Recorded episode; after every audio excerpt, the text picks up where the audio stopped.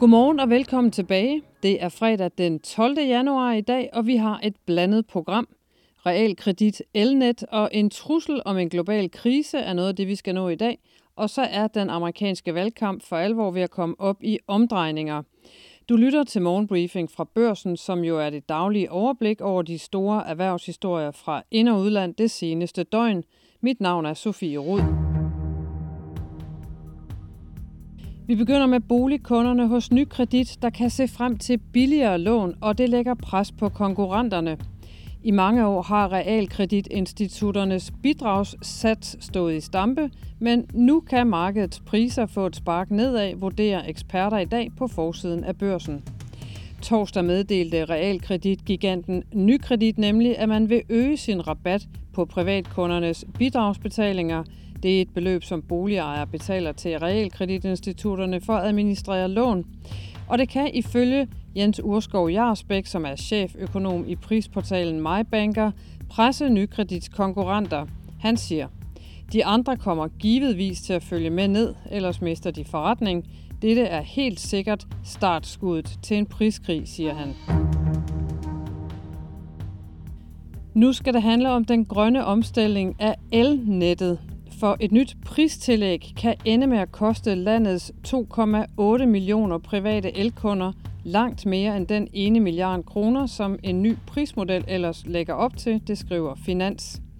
Forsyningstilsynets nye prismodel bygger nemlig på, at en årlig merbetaling fra private elkunder på knap en milliard kroner er nok til, at elnetselskaberne kan udbygge det lokale elnet frem mod 2040 til at kunne håndtere langt flere elbiler og flere varmepumper på villavejene.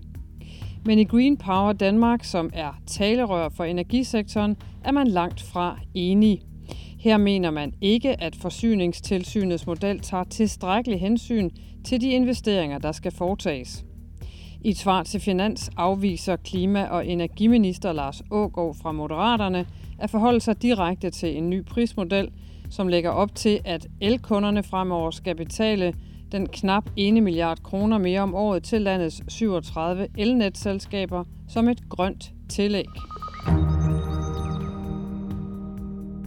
Det er fortsat uafklaret, hvad der skal ske med de kongelige årspenge eller apanage, når kronprins Frederik bliver til kong Frederik den 10. på søndag.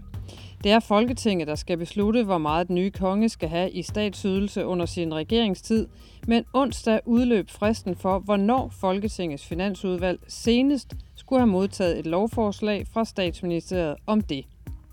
I går indsendte statsminister Mette Frederiksen så et forsinket udkast, hvor der lægges op til, at den kommende konge både skal modtage apanage, svarende til den statsydelse, der hidtil er blevet udbetalt til dronning Margrethe, og den apanage, han hidtil selv har modtaget som kronprins.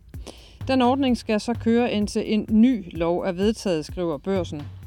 Ifølge Kongehusets hjemmeside er statsydelsen til dronning Margrethe pt. godt 7,5 millioner om måneden, mens kronprinsen får ca. 1,9 millioner hver måned, altså 9,5 millioner kroner om måneden i alt. Topchefen for AP Møller Mærsk, Vincent Clerc, sender nu en kraftig advarsel om, at krisen i det røde hav kan få alvorlige konsekvenser for verdensøkonomien. Advarslen kommer efter, at Mærsk og andre rædderier har omdirigeret alle deres skibe fra ruten syd om den arabiske halvø, hvor såvel jemenitiske oprørere som den iranske flåde udgør trusler mod den kommercielle internationale skibsfart. Mærsk-chefen siger, det er uklart for os, om vi taler om at genetablere sikker passage ind i det røde hav i løbet af få dage, uger eller måneder. Det kan potentielt få ret betydelige konsekvenser for den globale vækst, siger Clark til Financial Times ifølge Berlingske, og han tilføjer. Det kan få bredere konsekvenser ikke kun for industrien, men for slutforbrugere, produkttilgængelighed, den globale økonomi som helhed.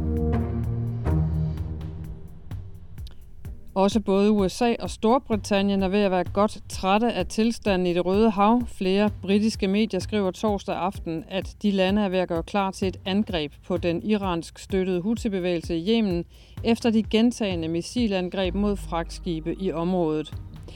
Ifølge blandt andet Financial Times og BBC har Storbritanniens premierminister Rishi Sunak torsdag indkaldt sit ministerhold for at briefe dem om sandsynligheden for, at USA og Storbritannien kommer til at indlede et modangreb mod hutierne.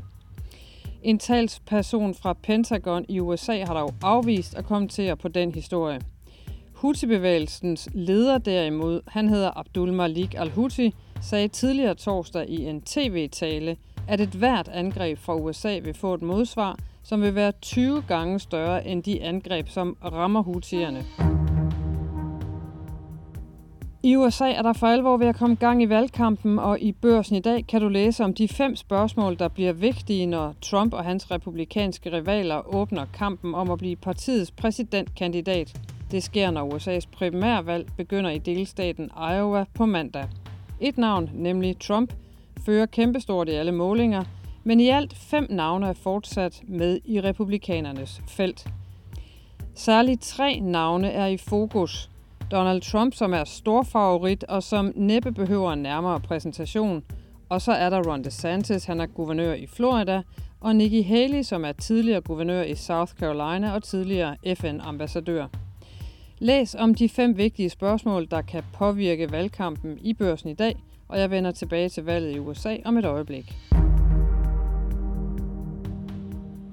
Torsdag viste det sig, at der var flere bobler i den amerikanske inflationsgryde, end markedet havde forventet. Det viste de nye inflationstal for USA, som derefter sendte renterne i vejret. Kerneinflationen landede på 3,9 procent i december, og det var en tand mere, end investorerne havde forventet, for her var konsensus 3,8 procent. I november var tallet 4 procent. Og den 0,1 procent var nok til at ryste investorerne, men de amerikanske aktiemarkeder kom sig i løbet af torsdagen efter et større dyk midt på dagen. Både Nasdaq og Dow Jones sluttede i bittesmå plusser, altså flat, men med en lille plus til dem begge to, mens S&P 500 faldt 0,1 procent. Herhjemme overlevede optimismen i markedet til gengæld ikke de skuffende inflationstal for USA, og C25 endte nede med 0,14 procent. Ambu var torsdagens helt store vinder med en stigning på mere end 5%, og Bavarian Nordic lå i bunden med et fald på 3,7%. Og du kan følge med i det hele hos børsen Investor. I den nyeste udgave og årets første udgave af podcasten Topchefernes Strategi har Niels Lunde besøg af sin chef Bjarne Koridon, ansvarshavende chefredaktør og administrerende direktør på børsen – de to skyder sæsonen i gang med et bud på erhvervslivets vigtigste udfordringer i 2024. En af dem er muligheden for, at USA's næste præsident hedder Donald Trump. Øh, og hvis vi tager præsidentvalget, øh, jamen så er det jo en gigantisk risiko øh, i, i næsten enhver henseende, øh, økonomisk, politisk øh, praktisk, hvis vi får et, et genvalg af, af Donald Trump. Og det kan man jo langt fra udelukke lige nu. Hvis man skal prøve at se på det sådan lidt mere, hvis, man overhovedet, hvis det overhovedet er muligt, sådan lidt mere operativt. Ja. Altså, du kender regeringsapparatet indefra. Mm. Sidder man i regeringen nu, altså ikke så meget blandt nødvendigvis kun øh, ministerne, men også blandt embedsværket, og prøver at forberede sig på det her, altså forberede sig på en eller anden plan, som også øh, man kan øh, tilbyde erhvervslivet, hvis ellers at, at øh, det ender med en Trump? Ja, det kan du bide dig selv i næsen på, at, øh, at man gør. Jeg, jeg, jeg tror, hvis vi lige åbner døren og kigger ind der, så jeg håber ikke, det lyder banalt, men man skal jo bare forstå, at det her med vores relation til USA er jo på en måde fundamentet for alting, eller det er jo sådan et af to fundamenter for, for alting, altså dels vores medlemskab af EU, og så vores alliance med, med USA.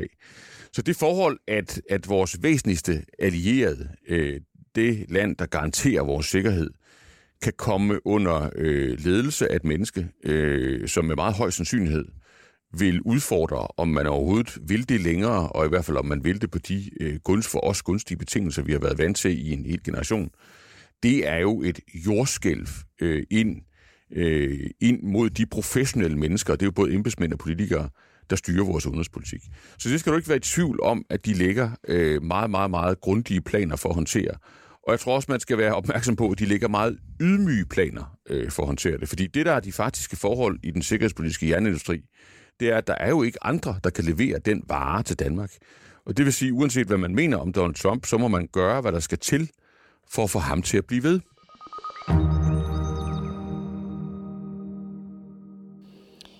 Således opmuntret får man næsten lyst til at sige, at fredagen i gang og weekenden venter.